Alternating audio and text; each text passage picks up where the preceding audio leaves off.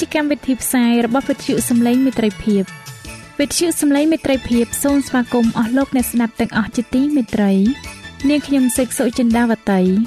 ហើយខ្ញុំបាទអង្ចាន់វិជ្ជៈក៏សូមស្វាគមន៍លោកអ្នកស្ដាប់ទាំងអស់ផងដែរនៅពេលនេះយើងខ្ញុំមានសេចក្តីសុំមនស្សរីករាយដោយបានវិលមកជួបអស់លោកអ្នកនាងកញ្ញាអ្នកស្ដាប់សាជាថ្មីម្ដងទៀត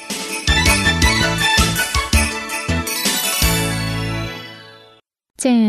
លោកអ្នកស្ដាប់ជាទីមេត្រី នាងខ្ញុំសូមគោរពអញ្ជើញអស់លោកលោកស្រីអ្នកនាងកញ្ញាតាមដានស្ដាប់កម្មវិធីផ្សាយរបស់វិទ្យុយើងខ្ញុំដូចតទៅ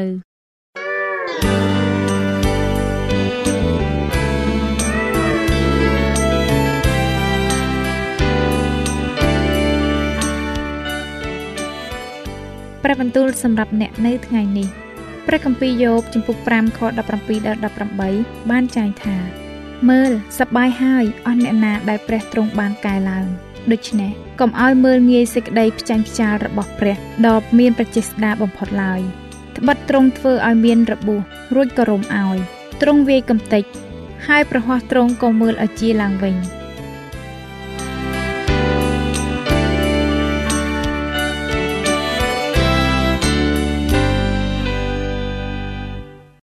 ជំរាបសួរអស់លោកអ្នកទាំងអស់គ្នាជាទីមេត្រី សូមស្វាគមន៍មកកាន់នីតិមេរៀនសបាស្គូលប្រចាំសប្តាហ៍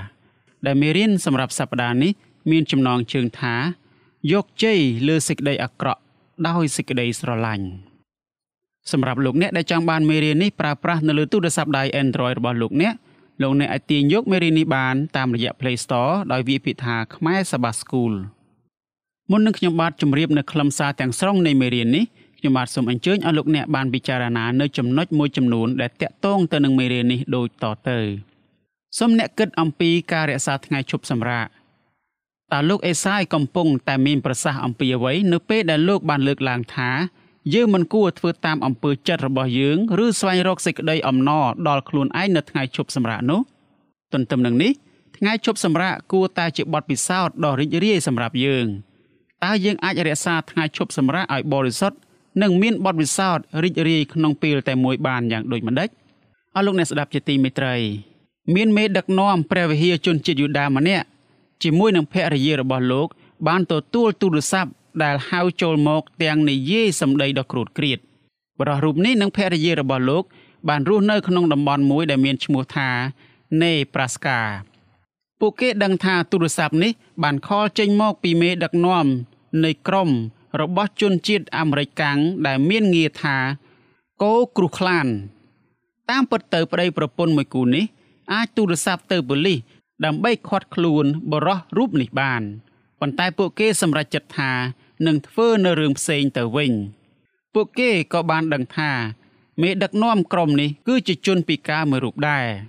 ដូច្នេះ ពួកគេបានបង្ហាញខ្លួននៅមាត់ទ្វាររបស់បរិះពិការរូបនេះជាមួយនឹងសម្លមាន់មួយចាន សម្រាប់ជាអាហារពេលល្ងាចបរិះរូបនេះមានការភ្ញាក់ផ្អើលយ៉ាងខ្លាំងសេចក្តីស្រឡាញ់របស់គូស្វាមីភរិយាមួយគូនេះបានធ្វើឲ្យសេចក្តីសំអប់នៅក្នុងចិត្តរបស់គាត់រលាយបាត់សូន្យសងប្តីប្រពន្ធមួយគូនេះនៅតែបន្តទៅសួរសុខទុក្ខបរិះនោះជាប្រចាំដូច្នេះដោយការប៉ះពាល់ចិត្តបរិះពិការម្នាក់នេះបានគិតថា ចង់ក្លាយជាជនជាតិយូដាតើមិនមែនជាការតอมអត់យ៉ាងនេះវិញ ដែលអញពេញចិត្តទេឬអីគឺឲ្យដោះច្រវាក់ដែលឯងដាក់គេដោយអំពើអាក្រក់ឲ្យស្រាយចំណងដែលឯងបានចងគេ ហើយឲ្យអ្នកដែលឯងបានសង្កត់សង្កិន បានរួចចេញទៅទេព្រមទាំងបំបាក់គ្រប់ទាំងនឹមផងតើមិនមែនឲ្យឯងបានចែកអាហារដល់អ្នកដែលឃ្លាន ហើយនាំមនុស្សក្រដែលត្រូវដេញចេញពីផ្ទះគេមកឯផ្ទះឯងទេឬអីឬបើកាលណាឯងឃើញមនុស្សឥតមានសម្លៀកបំពាក់នោះតើមិនមែនឲ្យឯងបិទបាំងឲ្យគេឥតដែលពួនខ្លួននឹងសាច់ញាតិរបស់ឯងវិញទេឬអីព្រះគម្ពីរអេសាយជំពូក58ខ6ដល់ខ7សប្តាហ៍នេះ យើងនឹងស្វែងយល់បន្ថែមទៀតអំពីច្បាប់ខាងវិញ្ញាណដ៏សំខាន់ដែលព្រះគម្ពីរអេសាយបានបង្ហាញនៅក្នុងខគម្ពីរទាំងនេះព្រះគម្ពីរអេសាយជំពូក55ខ1ចែងថាអស់អ្នកដែលស្រេកឃ្លានអើយចូលមកអស់អ្នកដែលស្រេកឃ្លានអើយចូលមកឯទីទឹកចុះឯអ្នកដែលគ្មានប្រាក់អើយចូលមកទិញហើយពិសាទៅអស់លោកអ្នកស្ដាប់ជាទីមេត្រីឧទាហរណ៍ថា មានអ្នកយកអាហារមួយចំនួន ទៅឈរនៅតាមដងផ្លូវក្នុងទីក្រុងដ៏ធំមួយ បន្ទាប់មក អ្នកបានប្រកាសដល់អស់អ្នកដែលស្រេកឃ្លាននិងគ្មានផ្ទះសម្បែងថាណែតើអ្នកគ្មានលុយតើពិតមែនទេ មកទីនេះទិញអាហារសម្រាប់បរិភោគទៅប៉ុន្តែតើពួកគេអាចទិញអាហារសម្រាប់បរិភោគបានយ៉ាងដូចម្តេចទៅ ប្រសិនបើគេគ្មានប្រាក់ផងនោះ ប៉ុន្តែចុះយ៉ាងដូចម្តេចដែរប្រសិនបើលោកអ្នកបន្ថែមពាក្យទាំងនេះដោយគម្ពីរអេសាយថា អ្នកនឹងមិនចាំបាច់ចំណាយអ្វីទាំងអស់បន្ទាប់មកខគម្ពីរនេះនឹងកាន់តែមានអត្ថន័យថែមទៀតមែនទេហោរាអេសាយបានអំពាវនាវឲ្យប្រជាជនរបស់ខ្លួនទទួលយកការអត់ឱនទោសពីព្រះព្រះជាម្ចាស់ទ្រង់ប្រទាននៅការអោនទោសដល់ពួកគេដោយមិនទាមទារអ្វីសោះឡើយដូច្នេះ ហេតុអ្វីបានជាគម្ពីរអេសាយសរសេរថាទិញពាក្យថាទិញបង្ហាញយើងអំពីអ្វីដែលព្រះបានប្រទានមកដល់មនុស្សព្រះជាម្ចាស់បានប្រទានឲ្យដើម្បីបំពេញតាមតម្រូវការរបស់យើង ពាក្យថាទិញក៏បង្ហាញផងដែរថាអ្វីដែលព្រះទ្រង់ប្រទានឲ្យគឺមានតម្លៃណាស់ដូច្នេះប្រសិនបើយើងចង់បាននៅអំណោយទានទាំងនេះ នោះយើងត្រូវតែទូលសូមព្រះជាម្ចាស់បានអត់ទោសឲ្យយើងរាល់គ្នាហើយ អំណោយទាននៃការអត់ឱនទោសបាប គឺជាផ្នែកមួយនៃសេចក្តីសញ្ញា ដែលទ្រង់បានតាំងជាមួយនឹងរាជរបស់ព្រះអង្គព្រះជាម្ចាស់ទ្រង់បានប្រទាននៅការអត់ឱនទោសដោយឥតគិតថ្លៃប៉ុន្តែការអត់ឱនទោសបាបដោយឥតគិតថ្លៃបែបនេះមិនមែនមានន័យថាវាថោកនោះឡើយព្រះទ្រង់បានចេញថ្លៃអត់ទោសបាបដល់យើងរាល់គ្នា ក្នុងតម្លៃមួយដ៏សម្បើមក្រៃណាស់ អ្នកបម្រើរបស់ទ្រង់បានសុគតដើម្បីសងថ្លៃលួសបាបជំនួសយើងរាល់គ្នានេះដូច្នេះអំណោយទាននេះមិនបានគិតថ្លៃសម្រាប់យើងមែនប៉ុន្តែការអត់អន់ទោសបាប បានប្រទានមកជាមួយនឹងតម្លៃដ៏ធំសម្រាប់ព្រះ នោះគឺជាអ្វីដែលពាក្យទិញចង់បង្ហាញយើងព្រះគម្ពីរពេត្រុសខ្សែទី1ចំពុក1ខ18ដល់ខ19បានចែងថា ដោយដឹងថាទ្រង់បានលួសអ្នករាល់គ្នាឲ្យរួច ពីកិរិយាឥតប្រយោជន៍ដែលបានតពីពួកអាយកោមក នោះមិនមែនដោយសាររបស់ពុករលួយ ដូចជាប្រាក់ឬមាសនោះទេ គឺបានលួសដោយសារព្រះលោហិតដ៏វិសេសរបស់ព្រះគ្រិស្តវិញទុកជាឈាមនៃកូនជៀមឥតខ្ចោះឥតស្លាកស្នាមតើព្រះអម្ចាស់បានចេញថ្លៃប្រោសលួសអ្វីដើម្បីជួយសង្គ្រោះយើង ព្រះគម្ពីរអេភីសូចំពុក2ខ8ដល់ខ9ចែងថា ត្បិតគឺដោយសារព្រះគុណដែលអ្នករាល់គ្នាបានសង្គ្រោះដោយសារសេចក្តីជំនឿហើយសេចក្តីនោះក៏មិនមែនកើតពីអ្នករាល់គ្នាដែរគឺជាអំណោយទានរបស់ព្រះវិញក៏មិនមែនដោយការប្រព្រឹត្តដែរក្រែងអ្នកណាអួតខ្លួនតើខគម្ពីរនេះបានបង្រៀនយើងអ្វីខ្លះអំពីសេចក្តីសង្គ្រោះរបស់យើងអស់លោកអ្នកជាទីមេត្រីព្រះគម្ពីរអេសាយបានបង្រៀនយើងរាល់គ្នាអំពីដំណឹងល្អ សេចក្តីបង្រៀនអំពីដំណឹងល្អនៅក្នុងគម្ពីរសញ្ញាចាស់គឺដូចគ្នានឹងដំណឹងល្អនៅក្នុងព្រះគម្ពីរសញ្ញាថ្មីដែរព្រះគម្ពីរសញ្ញាចាស់មិនបានបង្រៀនយើងរាល់គ្នាថាមនុស្សនឹងបានសង្គ្រោះដោយការប្រព្រឹត្តល្អនោះឡើយមានតែផ្លូវមួយគត់ដែលយើងអាចបានសង្គ្រោះព្រះជាម្ចាស់ជួយសង្គ្រោះយើងរាល់គ្នាដោយសេចក្តីជំនឿលើសេចក្តីមេត្តាករុណារបស់ទ្រង់ ទ្រង់បានប្រទានឲ្យយើងរាល់គ្នានៅអំណោយទាននៃជីវិតអស់កលជានិច្ចដោយឥតគិតថ្លៃដោយព្រះគ្រីស្ទយេស៊ូវជាព្រះអម្ចាស់នៃយើងរាល់គ្នាព្រះគម្ពីររ៉ូមចំពុក6ខ23ព្រះជាម្ចាស់បានមានបន្ទូលថាគំនិតអញមិនមែនដូចជាគំនិតរបស់ឯងរាល់គ្នាទេឯផ្លូវរបស់ឯងរាល់គ្នាក៏មិនមែនជាផ្លូវរបស់អញដែរត្បិតដែលផ្ទៃមេឃខ្ពស់ជាងផែនដីយ៉ាងណា នោះអស់ទាំងផ្លូវរបស់អញខ្ពស់ជាងផ្លូវរបស់ឯងព្រះគម្ពីរអេសាយជំពូក55ខ8ដល់ខ9តើហេតុអ្វីបានជាព្រះជាម្ចាស់បានមានបន្ទូលដូច្នេះយើងមិនអាចយល់ពេញលេញអំពីព្រះជាម្ចាស់ឬរបស់ដែលទ្រង់បានបង្កើតឡើយទ្រង់មានឫទ្ធានុភាពនិងចេស្តាជាងយើងឆ្ងាយណាស់យ៉ាងនោះគួរតែធ្វើឲ្យយើងកាន់តែងាយស្រួលក្នុងការទទួលយកជំនួយរបស់ទ្រង់ សូមអ្នកអានមើលព្រះគម្ពីរអេសាយជំពូក55ខ6ដល់ខ9តើព្រះជាម្ចាស់មានបន្ទូលយ៉ាងដូចម្តេចនៅក្នុងខទាំងនេះហេតុអ្វីទៅតើព្រះជាម្ចាស់ទ្រង់បានធ្វើអ្វីខ្លះដែលធ្វើឲ្យយើងពិបាកយល់ជីវិតគឺពោពេញទៅដោយអាចកំបាំងប្រហែលជាអ្វីដែលធ្វើឲ្យមនុស្សពិបាកយល់បំផុតនោះគឺផែនការរបស់ព្រះក្នុងការជួយសង្គ្រោះមនុស្សបាប ព្រះជាម្ចាស់ដែលបានបង្កើតវងផ្កាយនិងពិភពនានា ហើយគឺទ្រង់តែមួយនោះឯងដែលបានយកកំណើតជាមនុស្សនិងបានមករស់នៅដោយភាពលំបាកលំបិនទ្រង់បានរងទុក្ខគ្រប់យ៉ាង ក្រោយមកទ្រង់ក៏បានថ្វាយអង្គទ្រង់សម្រាប់អំពើបាបជំនួសយើងរាល់គ្នាដោយការសគត់នៅលើឈើឆ្កាងទ្រង់បានធ្វើការទាំងនេះ ដើម្បីឲ្យព្រះបានអត់ទោសបាប និងបង្ហាញសេចក្តីមេត្តាករុណាដល់យើងគ្រប់គ្នា តើយើងអាចយល់បានយ៉ាងពេញលេញអំពីសេចក្តីពិតដ៏អស្ចារ្យនេះបានយ៉ាងដូចម្តេចទៅតើមានបុគ្គលណាខ្លះដែលលោកអ្នកធ្លាប់បានធ្វើឲ្យឈឺចាប់ដែរឬទេតើពាក្យត្រគោះបោះបោកអ្វីខ្លះដែលអ្នកបាននិយាយទៅកាន់នរណាម្នាក់នោះតើអ្នកធ្លាប់បានក្បត់ពាក្យសន្យាជាមួយគេប៉ុន្មានដងហើយព្រះយេស៊ូវបានអត់ទោសចំពោះរឿងទាំងអស់នេះហើយ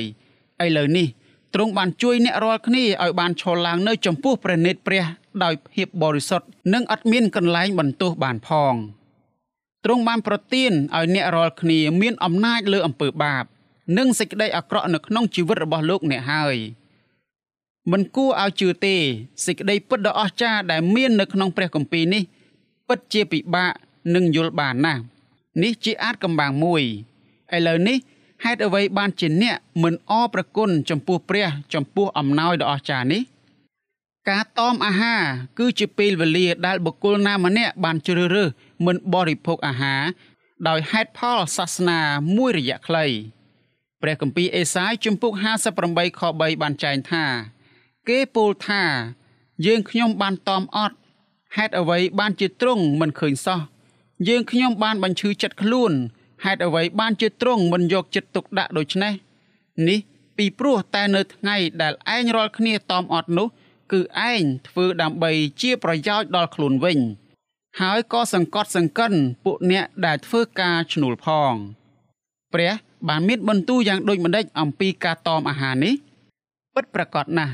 នេះគឺជាការតอมអាហារមួយដែលបានធ្វើឡើងនៅថ្ងៃបុណ្យធួននឹងបាប ថ្ងៃបុណ្យធូននឹងបាប គឺជាទិវាមួយ ដែលបានរៀបចំឡើងជារៀងរាល់ឆ្នាំក្នុងគ្រាដែលព្រះវិហារនៅលើផែនដីនេះត្រូវបានសម្អាតពីអំពើបាប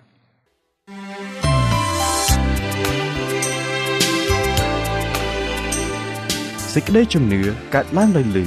ហើយដែលលឺនោះគឺដោយសារព្រះបន្ទូលនៃព្រះ តាមរយៈវិទ្យុសំឡេងមិត្តភាព AWR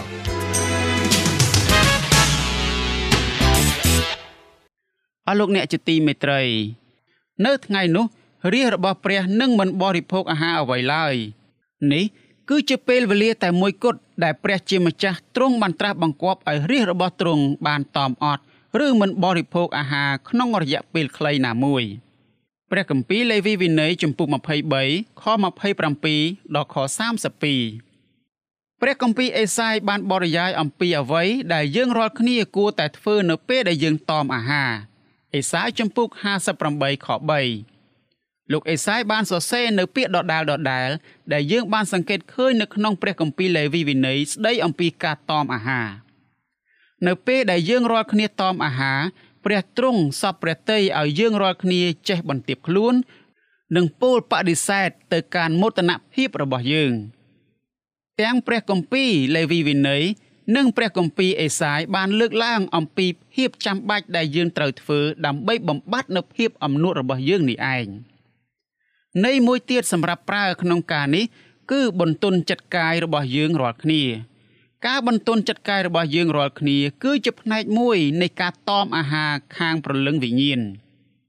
ថ្ងៃបុណ្យធួននឹងបាបបានជួយយើងរាល់គ្នាឲ្យបានយល់អំពីការត្រាស់បង្គាប់របស់ព្រះជាម្ចាស់ ព្រះគម្ពីរអេសាយជំពូក58ខ1បានចែងថា ស្រែកដូចជាសំឡេង ត្រែដែលបន្លឺឡើង នៅថ្ងៃបុណ្យធួននឹងបាបសម្ដេចសង្ឃដ៏បរិសុទ្ធបានផ្លុំត្រែពិសេសមួយដែលមានឈ្មោះថា ត្រែស្នែងត្រែស្នែងនេះត្រូវបានគេធ្វើឡើង ពីស្នែងជាមឈ្មោលសម្ដេចសង្ឃបានផ្លុំត្រែស្នែងឡើង រយៈពេល10ថ្ងៃជាប់គ្នាមុននឹងថ្ងៃបុណ្យធួននឹងបាបមកដល់ ព្រះគម្ពីរលេវីវិន័យជំពូក23ខ24ព្រឹត្តិការណ៍នេះ បានធ្វើឲ្យប្រជាជនភ្លេចមិនបានអំពីថ្ងៃបុណ្យធូននឹងបាបព្រមទាំងបានត្រៀមខ្លួនជាស្រេចសម្រាប់ពិធីបុណ្យនេះផងដែរដូចគ្នានេះដែរនៅរៀងរាល់50ឆ្នាំម្ដង ក្នុងថ្ងៃបុណ្យធូននឹងបាបសម្ដេចសង្ឃដ៏បរិសុទ្ធបានផ្លុំត្រែស្នៃឡើង ដើម្បីប្រកាសពីការចាប់ផ្ដើមនៃឆ្នាំសោមនស្សរីករាយ លេវីវិន័យជំពូក25ខ9ដល់ខ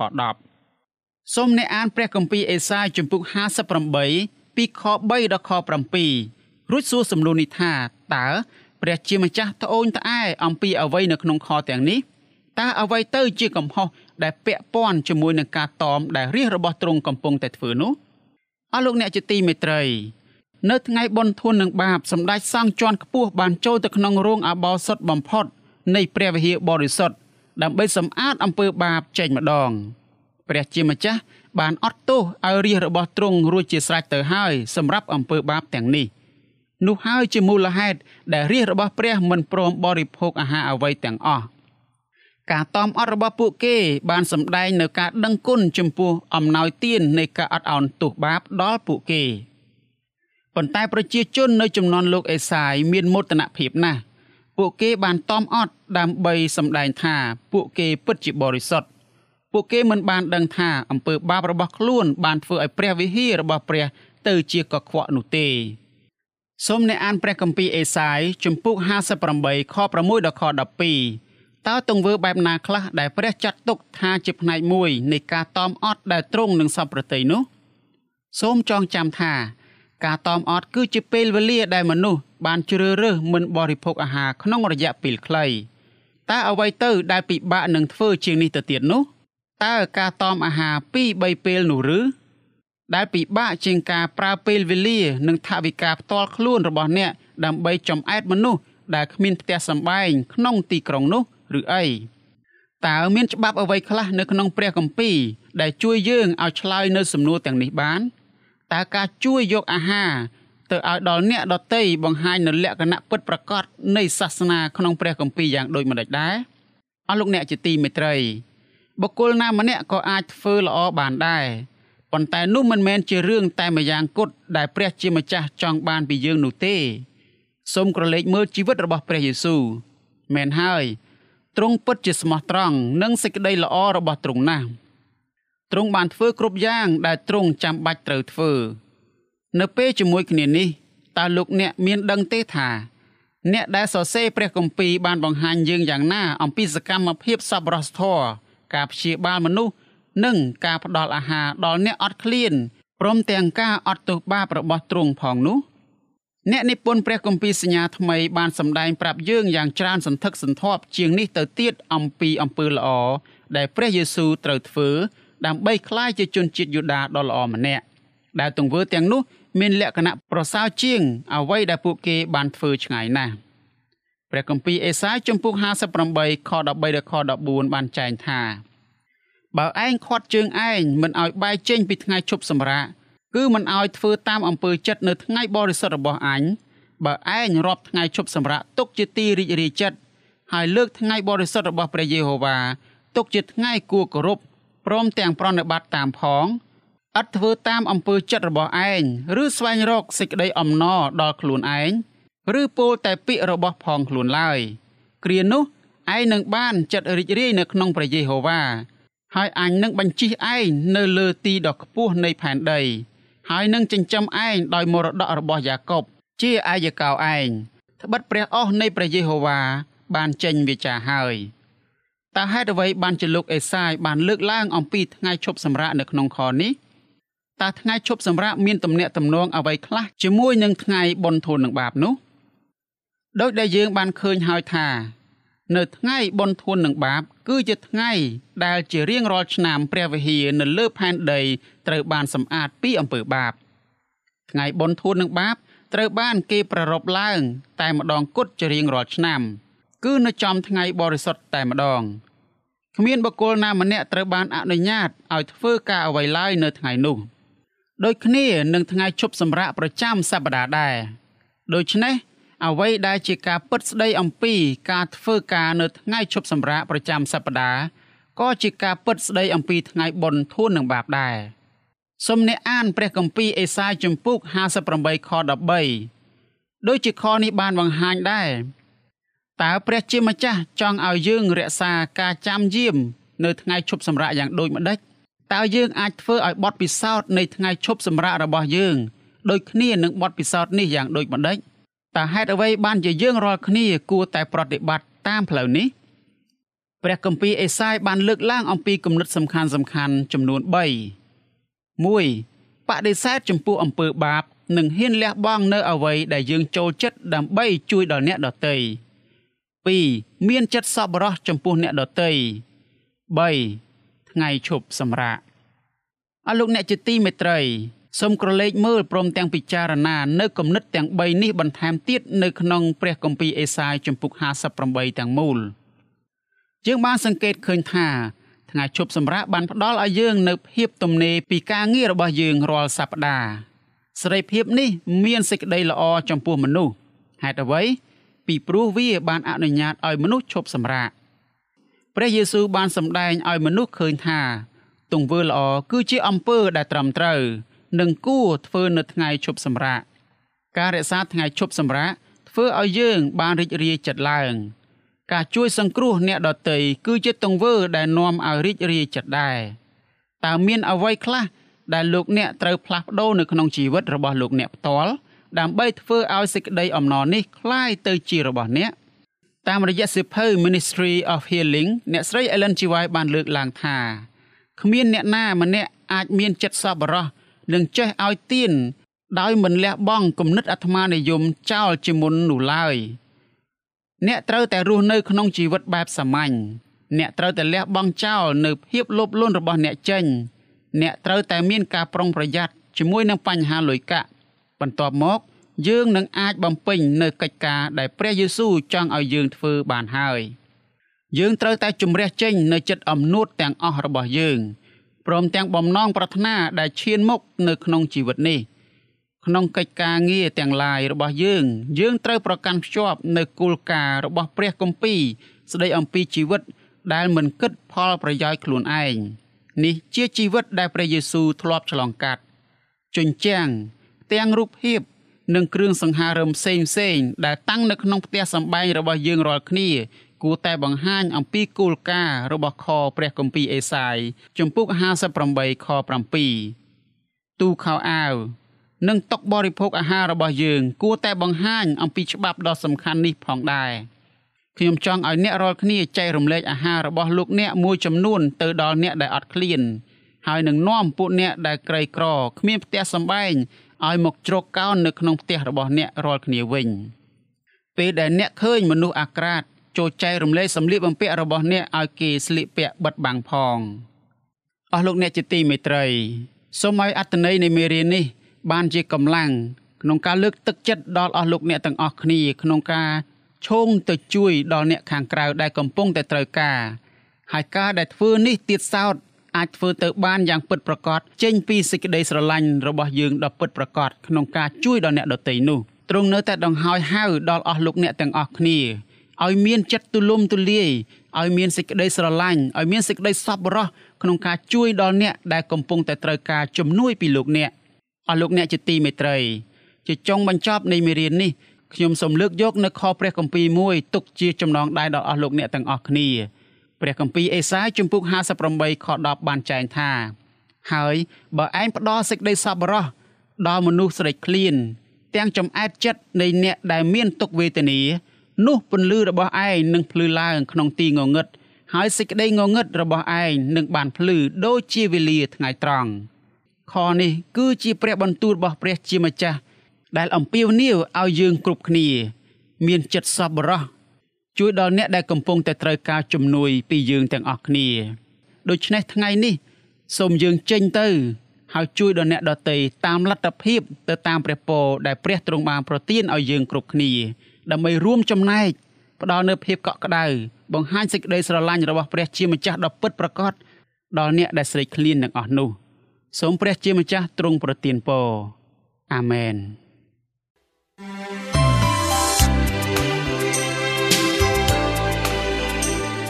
វិទ្យុសំឡេងមេត្រីភាព AWR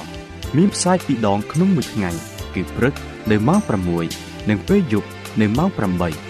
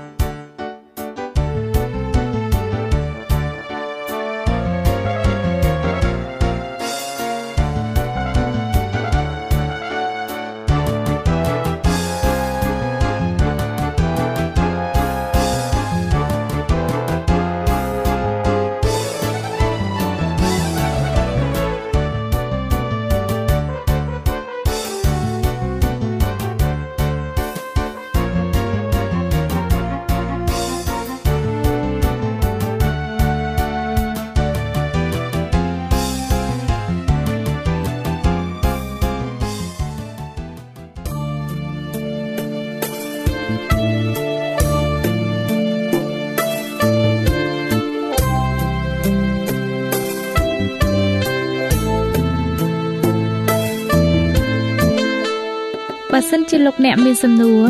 ឬសំណុំពរអ្វីសូមតាក់ទងមកការិយាល័យវិទ្យុយើងខ្ញុំ តាមអាស័យដ្ឋានផ្ទះលេខ15ផ្លូវលេខ568សង្កាត់បឹងកក់2ខណ្ឌទួលគោករាជធានីភ្នំពេញលោកអ្នកក៏អាចសរសេរសម្បត្តិផ្ញើមកយើងខ្ញុំ តាមរយៈប្រអប់សម្បត្តិលេខ488ភ្នំពេញឬតាមទូរស័ព្ទលេខ012 34 96 64ឬ097 80 81 060ឬក៏តាមរយៈអ៊ីមែល vol@awr.org យើងខ្ញុំរងចាំទទួលស្វាគមន៍អស់លោកអ្នកនាងដោយក្តីសោមនស្សរីករាយហើយលោកអ្នកក៏អាចស្ដាប់កម្មវិធីនេះឡើងវិញដោយចូលទៅកាន់ website របស់វិទ្យុយើងខ្ញុំ តាមរយៈអាស័យដ្ឋាន www.awr.org